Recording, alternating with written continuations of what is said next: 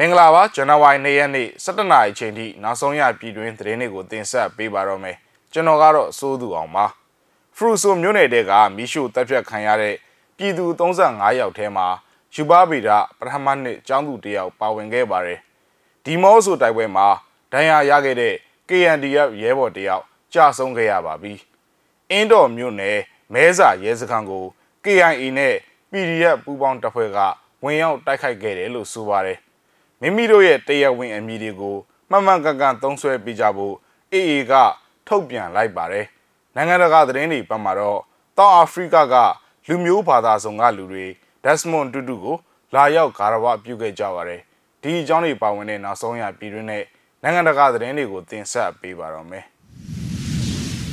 ကရင်နီပြည်ဖရူဆိုမြို့နယ်မိုးဆိုကြီးရွာအနာအရှင်လက်လက်မီးရှို့တပ်ခံရတဲ့ပြည်သူ35ယောက်ထဲမှာ ပြည်တော်စုတိုင်းရင်းသားလူငယ်များစွမ်းရည်ဖွံ့ဖြိုးရေးဒီဂရီကောလိပ်ရန်ကုန်က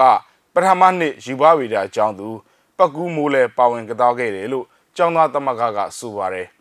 အဆိုပါမီရှို့တပ်ဖြတ်ခံရမှုတဲမှာလူသားချင်းစာနာထောက်ထားမှုဆိုင်ရာအခုအညီတွေပေးနေတဲ့ Save the Children ကဝန်ထမ်းနှစ်ယောက်လဲပါဝင်ခဲ့တယ်လို့ခလေးတငယ်တွေနဲ့အမျိုးသမီးအများအပြားပါဝင်ခဲ့ပါတယ်ဒေသခံကာကွယ်ရေးတပ်ဖြစ်တဲ့ KNDF ကတော့မီးရှို့တပ်ခံရသူတွေဟာ စစ်ဘေးရှောင်အရသားပြည်သူတွေဖြစ်တယ်လို့အတည်ပြုပြောပါတယ်ကမ္ဘာကုလသမဂ္ဂလုံခြုံရေးကောင်စီကတော့စစ်ကောင်စီတပ်တွေရဲ့ဖရူဆိုမီရှိုတပ်ဖြတ်မှုကိုပြစ်တင်ရှုံချထားပါတယ်ဒါပေမဲ့အကြမ်းဖက်စစ်တပ်ကတော့ပြည်သူ35ယောက်ကျော်ကိုမီရှိုတပ်ဖြတ်မှုကိုမဝင်ခံပဲလွိုင်းကော်လီစိတ်ကိုရှော့တိုက်ဒုံးနဲ့ပစ်ခတ်ပြီးလှုပ်ဝက်ထွက်ပြေးလာတဲ့သူတွေဖြစ်တယ်လို့ဆွဆွဲထုတ်ပြန်ထားပါတယ်အခုလိုမျိုးမီရှိုအသက်ခံရတဲ့အရက်သားတွေထဲမှာ ယူပါဗေဒပထမနှစ်ကျောင်းသူ ပကူးမိုးပါဝင်ခဲ့တဲ့အတွက်ပြည်တော်စုတိုင်းရင်းသားလူငယ်များစွမ်းရည်ဖွံ့ဖြိုးရေးဒီဂရီကောလိပ်ရန်ကုန်ကကျောင်းသားများတမကကဝမ်းနေကျောင်းသတင်းထုတ်ပြန်ထားပါတယ်ခင်ဗျာကရင်နီပြည်ဒီမော့ဆိုမြို့နယ်မှာလည်းတိုက်ပွဲတွေဆက်လက်ဖြစ်ပွားနေပြီးပြစ်ခတ်မှုတွေအတွင်းဒဏ်ရာရရှိခဲ့တဲ့ရဲဘော်တယောက်မှလည်းကြာဆုံးခဲ့ရပြီဖြစ်ကြောင်းဇန်နဝါရီ2ရက်နေ့မှာ KNDF ကသတင်းထုတ်ပြန်ပါတယ်အဆိုပါရဲဘော်ဟာ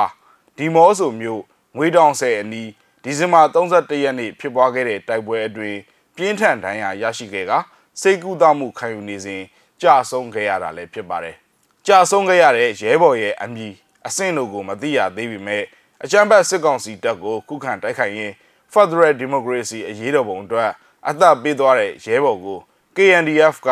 အမျိုးသားအာဇာနည်သူရဲကောင်းအဖြစ်လေးစားအတိမတ်ပြုတမိုင်းမှတ်တမ်းတင်အပ်ပါသည်ဆိုပြီး KNDF ကဂုဏ်ပြုခဲ့ပါတယ်အလားတူပဲဇန်နဝါရီ၁ရက်နေ့ကလည်းဒီမော့ဆိုမြို့မြို့မရဲစခန်းကပ်ရက်ဖျားစီဒီဝိုင်းထဲမှာတပ်ဆွဲထားတဲ့အကြမ်းဖက်စစ်ကောင်စီတပ်တွေကို PDF KNDF KA ပူးပေါင်းတပ်တွေကဝင်ရောက်တိုက်ခိုက်ရာအကြမ်းဖက်စစ်သား9ယောက်သေဆုံးကြောင်းသိရပါတယ်။ရိုင်းကောဒီမော့ဆိုဖရူဆိုမြို့နယ်တွေမှာတိုက်ပွဲတွေဆက်လက်ဖြစ်ပွားနေပြီးစစ်ရေးအရှိန်မြင့်လာမဲ့အခြေအနေရှိတာကြောင့်ပြည်သူတွေအနေနဲ့ ခရီးသွားလာခြင်းမပြုဖို့ကိုလည်း KNDF ကသတိပေးထုတ်ပြန်ထားပါတယ်ခင်ဗျာဒီတစ်ခါမှာတော့စကိုင်းတိုင်းဘက်ကိုသွားရအောင်ပါအင်းတော်မြို့နယ်မဲစာရဲစခန်းကို KIA နဲ့ PDF ပူးပေါင်းတပ်ဖွဲ့ကဇန်နဝါရီ၁ရက်နေ့ည7:00နာရီအချိန်မှာလာရောက်ပစ်ခတ်ခဲ့ကြောင်းဒေသခံတွေကပြောပါတယ် KIA PDF ပူးပေါင်းတပ်ဖွဲ့ကလာရောက်ပစ်ခတ်တဲ့အင်းတော်မြို့နယ်မဲစာရဲစခန်းမှာအင်အား30နဲ့50ကြာရှိပြီး ပြစ်ခတ်မှုဖြစ်ပွားချိန်မှာစစ်တပ်ကလက်နက်ကြီးတွေနဲ့ပတ်ဝန်းကျင်ရွာတွေကိုပြစ်ခတ်ခဲ့ကြောင်းသိရပါတယ်။ရဲစခန်းကလက်နက်ကြီးနဲ့ပတ်ဝန်းကျင်ရွာတွေဘက်ကိုပြစ်ခဲ့တဲ့မော်တာကြီးတန်းတွေကြားရတယ်။ပောက်ကွဲတဲ့ကြီးအလုံးကြီးကလည်း30လောက်ရှိမယ်ထင်တယ်လို့ဒေသခံကခေတ်သစ်မီဒီယာကိုပြောပါတယ်။ပြစ်ခတ်ခဲ့မှုကြောင့်မဲစာရဲစခန်းပတ်ဝန်းကျင်ကြီးရွာတွေကနေအိမ်တွေပျက်စီးခဲ့ရကြောင်းတိုက်ပွဲတွေထပ်မံဖြစ်ပွားမှာကိုဒေသခံတွေကစိုးရိမ်ကြောက်လန့်ပြီး စစ်ဘေးရှောင်မှုပြင်ဆင်နေကြောင်းကိုလည်းသိရပါတယ်။စစ်တပ်ကတိုက်ပွဲဖြစ်ရင်မဆိုင်တဲ့ကြေးရွာတွေကိုလက်နက်ကြီးနဲ့ပစ်တာကြောင့်စိုးရိမ်ကြောက်လန့်ကြတာသူတို့ဟာသူတို့တိုက်ပွဲဖြစ်နေရင်ပြဿနာမရှိပေမဲ့စစ်တပ်ကရန်ကားပစ်ခတ်တာတွေလုပ်လို့စစ်ဘေးရှောင်မှုပြင်ရတာလို့အဆိုပါဒေသခံကပြောပါတယ်။ကချင်ပြည်နယ်နဲ့စကိုင်းတိုင်းနေရာတွေမှာ PDF နဲ့ KIA ပူးပေါင်းတပ်တွေအင်အားများပြားလာပြီးစစ်ကောင်စီတပ်ရဲ့တပ်ရင်းတပ်ဖွဲ့တွေကိုဝင်ရောက်တိုက်ခိုက်မှုတွေ များပြားလာကြောင်းဒေသခံတွေစီကနေသိရပါတယ်ခင်ဗျာ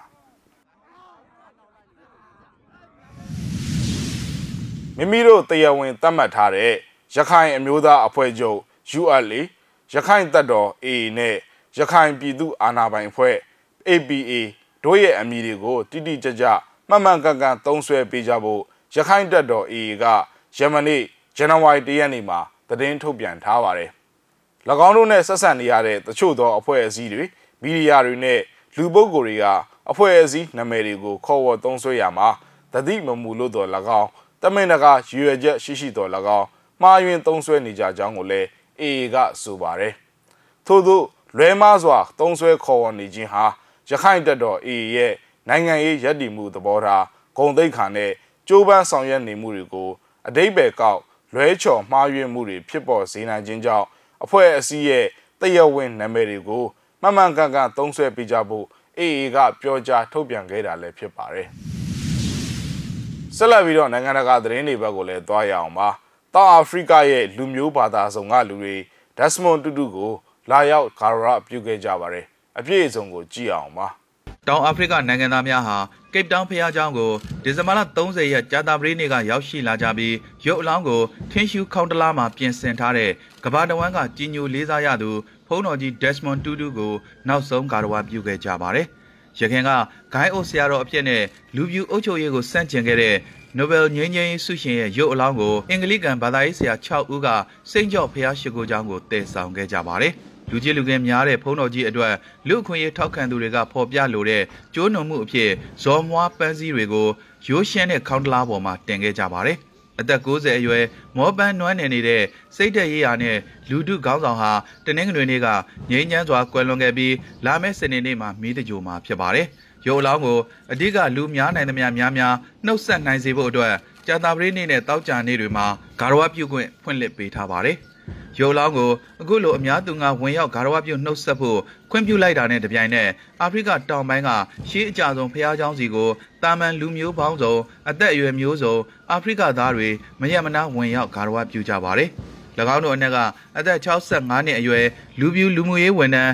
Liz Crown ကအသားရောင်ခွဲခြားမှုကြားတောင်အာဖရိကမှာကြီးပြင်းလာတဲ့ ချစ်စရာလူမဲဖုံးတော်ကြီးဟာသူ့အတွက်တော့အန္တရာယ်များတဲ့အမျိုးသားတူဖြစ်ခဲ့တယ်လို့အမတ်တရပြောကြားခဲ့ပါတယ်။သူကအာမနာတတ်ဘူးဒါပေမဲ့10နှစ်လောက်နေတော့သူ့ကိုလူကောင်းတစ်ယောက်မှန်းသိခဲ့ရတယ်လို့ Desmond Tutu ကလူမျိုးစုံဘာသာစုံတက်တန့်နိုင်ငံအဖြစ်ရည်ညွှန်းပြောဆိုခဲ့တဲ့နိုင်ငံမှာနေထိုင်ခဲ့သူသူမကပြန်လည်ပြောပြပါတယ်။ခရမ်းရောင်ဝတ်စုံကိုဝတ်ဆင်ထားတဲ့မင်းကလေးငယ်ဟာခရိယန်ရိုးရာဓလေ့အရာလက်ဝကတိုင်ကိုကင်ဆောင်ပြီးခေါင်းတလားရှိမှဂါရဝပြုဆူတောင်းဖို့ခိတ္တရက်နေခဲ့ပါတယ်။ ဝမ်း내ပူဆွေးသူတွေထဲမှာခရမ်းရောင်မွတ်စလင်ဝတ်စုံကိုဝတ်ဆင်ထားတဲ့အမျိုးသမီးတူပါဝင်ပြီးတူတူရဲ့အမတ်တင်ကေတာစာရေးသင်ခန်းအယောင်ကိုလွမ်းဆွမှုအဖြစ်ဝတ်ဆင်ဂါရဝပြုခဲ့ပါတယ်။သူကလူတွေကိုအသားရောင်ဒါမှမဟုတ်အခြားဂိုင်းကနာတစ်ခုခွဲခြားဆက်ဆံသူအဖြစ်တခါမှမမြင်ခဲ့ဘူးဘူး။သူအမြဲပြောခဲ့သလိုတက်တန့်လူတွေပါပဲလို့ကိတ်တောင်းမှာရှိတဲ့အမျိုးသမီးအဖွဲ့ရဲ့အကြီးအကဲလူစီလီဟယ်လီဂါကပြောကြားခဲ့ပါတယ်မြစီမရဲ့သတင်းအစီအစဉ်ကိုဒီမှာခဏရင်နာခြင်းပါတယ် ကြည့်ရှုခဲ့ကြတဲ့မိဘပြည်သူတူဦးချင်းစီကိုကျေးဇူးအထူးပဲတင်ရှိပါတယ်ကျွန်တော်တို့သတင်းနဲ့အတူတူပြန်ဆောင်ကြပါဦးမယ်